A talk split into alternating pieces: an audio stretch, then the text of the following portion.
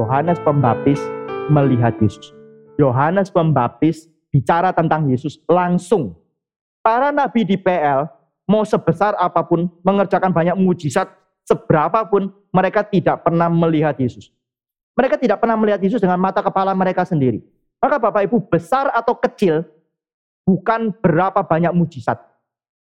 Hari ini gereja begitu salah. Besar atau kecil ditentukan dari mana? Berapa hebat pelayanannya? Berapa banyak?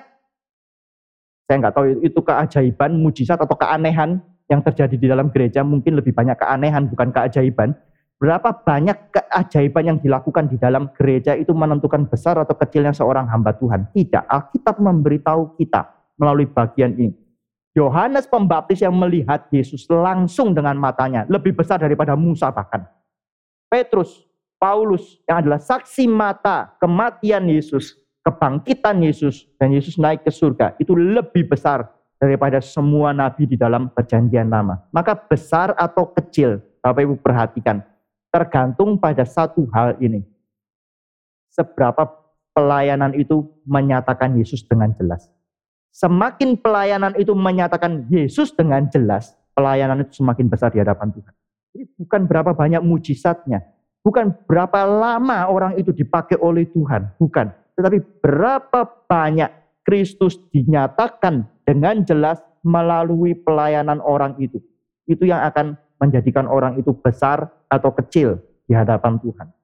Maka Bapak Ibu kita adalah orang-orang yang mendapatkan anugerah yang lebih besar. Kalau Bapak Ibu menginjili hari ini, Bapak Ibu pergi ketemu dengan orang lain di jalan atau di bus atau di mana, kemudian Bapak Ibu memberitakan Kristus dengan jelas kepada orang itu. Itu adalah pelayanan meskipun sederhana, di hadapan Tuhan itu dinilai besar. Lebih besar bahkan daripada pelayanan dari para nabi di dalam perjanjian lama. Kita tidak katakan pelayanan para nabi tidak penting, sekali lagi tidak ya.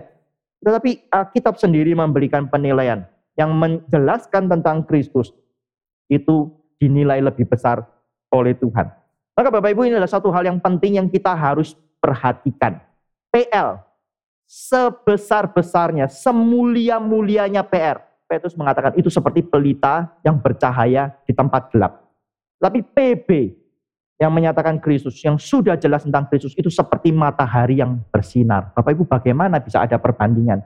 di dalam hal ini. Terlalu besar. Kristus itu terlalu besar untuk boleh diberitakan. Maka Tuhan mempercayakan namanya kepada kita untuk kita beritakan. Kalau kita dipercayakan satu anugerah yang mulia seperti ini dan kita tidak lakukan, betapa kita berhutang kepada Tuhan. Apa yang membuat pendeta Stephen Tong itu pelayanannya begitu diberkati? Karena dia terus menerus bicara tentang Kristus. Dia terus menerus menjelaskan tentang Kristus. Betul dia bahas filsafat, dia kaitkan dengan segala macam ya kita kalau dengar khotbahnya patung itu begitu luas pakai filsafat, pakai seni dan lain sebagainya. Tapi lihat semuanya satu persatu ditundukkan kepada Kristus.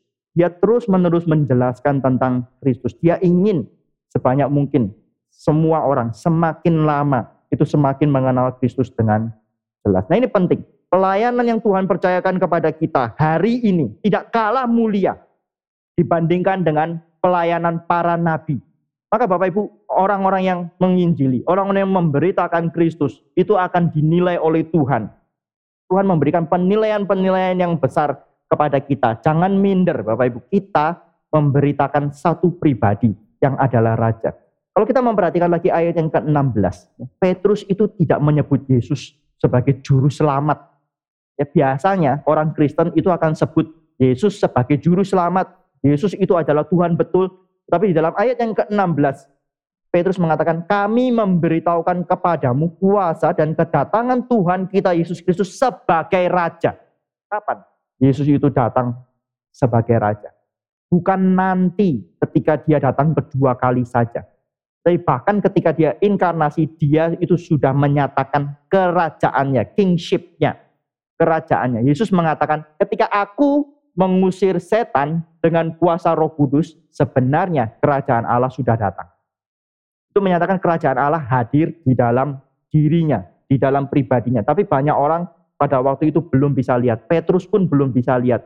Patong katakan orang yang lihat pertama kali dengan jelas Yesus sebagai raja adalah Siapa? Satu orang. Penjahat yang disalib bersama dengan Yesus yang bertobat. Ingat aku ketika engkau datang sebagai raja. Oh itu satu iman yang didasarkan pada sesuatu yang banyak orang waktu itu tidak mengerti. Para murid pun tidak mengerti.